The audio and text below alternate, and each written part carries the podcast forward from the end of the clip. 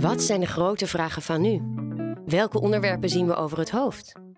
Op welke andere manieren zouden we ook naar de wereld om ons heen kunnen kijken? De opinieredactie van het Financiële Dagblad selecteerde acht prikkelende en mooie essays van vooraanstaande of juist opkomende denkers en schrijvers. Zij zoomen in op hedendaagse problemen en leggen uit hoe het anders kan en waarom dat nodig is. Deze essays kun je lezen op fd.nl/slash essays, maar je kunt ze ook beluisteren. Straks hoor je het essay De oorlog in Oekraïne is de oorlog van Europa, waarin Alicia Geshinska Europa waarschuwt en stelt dat we meer moeten doen om Poetin te stoppen. Maar eerst legt Jesse Beentjes van de opinieredactie uit waarom de redactie dit een belangrijk onderwerp voor een essay vond en wie de auteur is. Zij uh, is een uh, Vlaams-Poolse filosoof die uh, veel heeft gepubliceerd over moraal en over ethiek van moraal en over liegen en nou, fake news ook. en ze is heel ja, liberaal, vrij, vrijdenkend, lid van de Vlaamse Liberalen. En het leek ons ontzettend leuk om haar te bevragen eigenlijk over de, de Oekraïne-oorlog. En nou, zij kwam echt meteen met een heel duidelijk betoog daarover dat de oorlog in Oekraïne de oorlog van Europa is. De oorlog in Oekraïne is de oorlog van Europa. Door Aliksha Kishinska. Waar moet het heen met Europa nu het oude continent wederom aan zijn ergste oude ziekte leidt: oorlog en bloedvergieten? De voorbije maanden is veelvuldig gevraagd: wat wil Poetin? We dreigen daarbij een belangrijke vraag uit het oog te verliezen: wat willen wij? En wat moet Europa willen? We staan voor een existentieel keerpunt Fundamentele aspecten van het Europese project staan op het spel. Ik denk als eerste aan hoe we vrede begrijpen en handhaven. In de decennia na de Tweede Wereldoorlog galmde het nie wieder nog lang na. Vrede was prioritair en ontwapening en samenwerking zouden daarop de beste garanties geven. Een volstrekt tegengesteld perspectief aan dat van de VS. Niet dat zij vrede niet belangrijk vonden, maar volgens de Verenigde Staten was vrede enkel mogelijk door zelf een militaire supermacht te zijn. Eerder bewapenen dan ontwapenen om de vrede te garanderen. Die tegenstelling leidde tot spanningen binnen de NAVO. Veel Europese landen kwamen de afspraak om 2% van het bruto binnenlands product in defensie te investeren niet na. Meteen na de Russische aanval op Oekraïne beloofden verschillende EU-lidstaten hun defensiebudgetten op te krikken. Dat is meer dan een boekhoudkundige ingreep. Meer dan budgetbeheer. Dit betreft het wezen van wie we zijn. Elke euro die je in een kogel steekt, steek je niet in een klaslokaal. Elke euro voor defensie gaat niet naar armoedebestrijding. Ik zeg niet dat deze of gene beslissing de betere is. Wel dat er zich een grote paradigmawissel aandient. Door het pad van bewapening te kiezen, neemt de druk op de sociale welvaartsstaat ontegensprekelijk toe. Zowel de ontwapening als de sociale zorg waren kern van de naoorlogse Europese identiteit, samenleving en politiek. Een ander cruciaal kenmerk is dat het Europese integratieproces is gesteund op dialoog en economie. De Europese Unie kwam voort uit een economisch samenwerkingsverband en het is daarom geen toeval dat de EU soms meer draait om de centen die we kunnen verdienen dan om de waarden die we moeten uitdragen. Waarschijnlijk speelde dat ook een rol in de huidige situatie. We dachten zaakjes te kunnen doen met Poetin, maar we gaven hem een vinger en hij nam een hand. Hij kreeg een hand en wilde een arm. De Russische aanval op Oekraïne toont ons de grenzen van die dialoog en de pacificerende kracht van economische samenwerking. Meer dan twintig jaar geloofden we dat samenwerken met Rusland de beste garantie op vrede gaf. Nu blijken garanties op het wereldtoneel niet te bestaan. Kun je wel een oprechte dialoog voeren met iemand die systematisch in je gezicht staat te liegen? Kun je handel drijven met het regime van een massamoordenaar? De realiteit is dat Europa helaas al vaker bewezen heeft dit te kunnen, omdat geld zwaarder weegt dan waarde. We doen voortdurend zaakjes met loesje figuren en regimes. Toch lijkt er nu iets veranderd. En ook hier zitten we in een paradigmawissel. Het lijkt ondenkbaar dat het de komende jaren snel business as usual met Rusland wordt. We zitten sowieso in een nieuwe koude oorlog. We kunnen alleen maar hopen dat het daarbij blijft. Niets garandeert dat we niet aan de vooravond van een grootschaliger conflict staan. Vaak bekruipt mij het gevoel dat we nu ons drôle de guerre momentje beleven.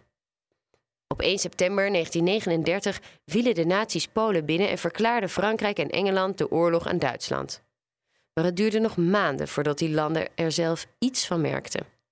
Die tussenperiode werd de Schemeroorlog genoemd, de Phony War, de drôle de guerre. Zeker in West-Europa hoor je vaak: het is hun oorlog, niet de onze. Wij bieden wat steun vanaf de zijlijn.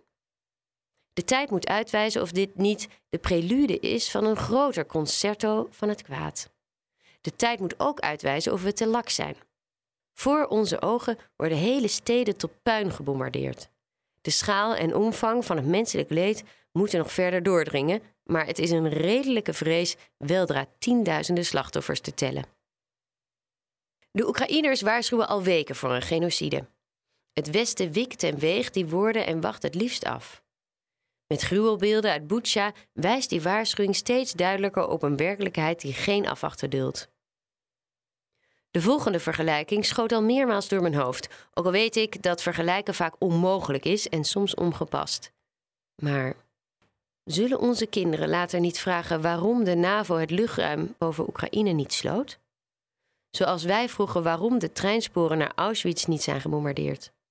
Hadden we niet meer kunnen doen om duizenden doden te vermijden? Alleszins, precies omdat deze oorlog ons op een existentieel keerpunt plaatst, is het fout om te spreken over hun oorlog. De oorlog in Oekraïne is onze oorlog, onze Europese oorlog. In een emotionele toespraak in Brussel benadrukte de hoogste vertegenwoordiger van Oekraïne onlangs ook dat punt. We are your shield. Wij leveren wel wapens en steun aan Oekraïne, maar het zijn de Oekraïners die sterven. En ze sterven niet enkel om hun eigen land. Ze doen dat voor Europa. Dit kunnen we gemakzuchtig afdoen als heldhaftige retoriek om onze betrokkenheid aan te wakkeren. Maar er zit een grote waarheid in die vier woorden. Wij zijn jullie schild. Die waarheid zit hem erin dat het Poetin om veel meer gaat dan Oekraïne. Hij heeft dat heel letterlijk gezegd. Het gaat om Europese machtsverhoudingen en waarden, hertekening van landkaarten, destabilisatie van de Europese Unie, ondermijning van de democratie. Daarmee komen we bij de volgende aardverschuiving. De drijvende kracht van de Europese eenwording was West-Europa. Na de val van de muur en de uitbreiding van de EU naar het oosten veranderde dat niet. Landen als Polen bleven met het gevoel zitten wel mee te mogen doen, maar niet mee te mogen leiden. Binnen de EU zijn alle landen gelijk, maar het ene land is gelijker dan het andere. De voorbije weken zagen we een dubbele omkeer. Enerzijds namen Centraal- en Oost-Europese landen vaak het voortouw in de Europese aanpak. Anderzijds transformeerden de leiders van landen als Polen zich plots tot grootse pleitbezorgers van Europese integratie en samenwerking, waar diezelfde figuren eerder naar eurosceptisme neigden. Dat doen ze natuurlijk niet zonder eigen belang. Polen wil om meerdere redenen zo nadrukkelijk die voortrekkersrol op zich nemen. Er leeft een groot besef dat de Baltische staten en Polen de volgende kunnen zijn. Poetin is een Slavische imperialist, geen Russische nationalist. Daarbij kunnen de grote verdeeldheid en binnenlandse problemen in Polen nu onder de mat geveegd worden. Ten slotte wil Polen een sterkere machtspositie binnen de EU. Als Polen er als eerste voor pleit Oekraïne als kandidaatslidstaat van de EU te erkennen, is dat precies het doel: de eigen positie versterken. Dus waar ligt het machtscentrum van Europa? En waar het geografische centrum van de EU? In beide gevallen zien we fundamentele verschuivingen bepalend voor de toekomst. Weer rijst de vraag: is dit wat Europa wil of moet willen? Quo vadis? De complexiteit van die vragen leidt er vermoedelijk toe dat datgene wat tot nu toe de sterkte was van het Europese en Westerse front afbrokkelt: de eensgezindheid. Je merkt het aan de houding van Scholz en Macron. We moeten Poetin niet te veel schofferen, maar hem een uitweg bieden. Het diplomatieke pad blijven bewandelen. Dat betekent altijd water bij de wijn. Toen Biden Poetin een massamoordenaar en slachter noemde, die onmogelijk aan de macht kan blijven, werden meteen alle zeilen bijgezet om de toon te matigen. Maar laten we oorzaak en gevolgen niet omdraaien. Poetin wordt geen massamoordenaar omdat je hem zo noemt. Hij heeft duizenden mensen de dood ingejaagd. Daarom noem je hem zo.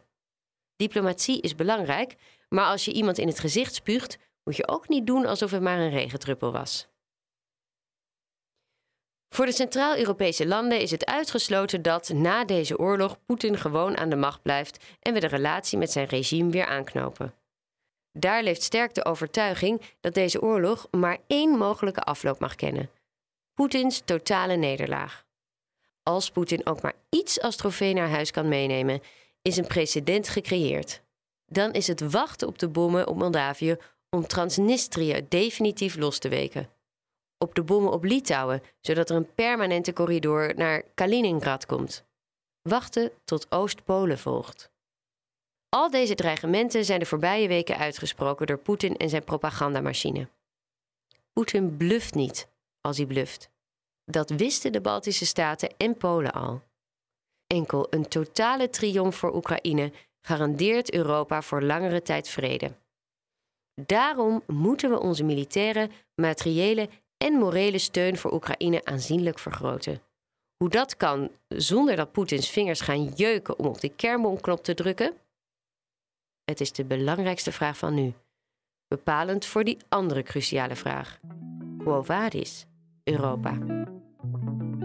Dit was het essay van Alicia Geshinska. Wil je meer essays lezen of beluisteren die de opinieredactie van het FD selecteerde? Kijk dan op fd.nl/essays.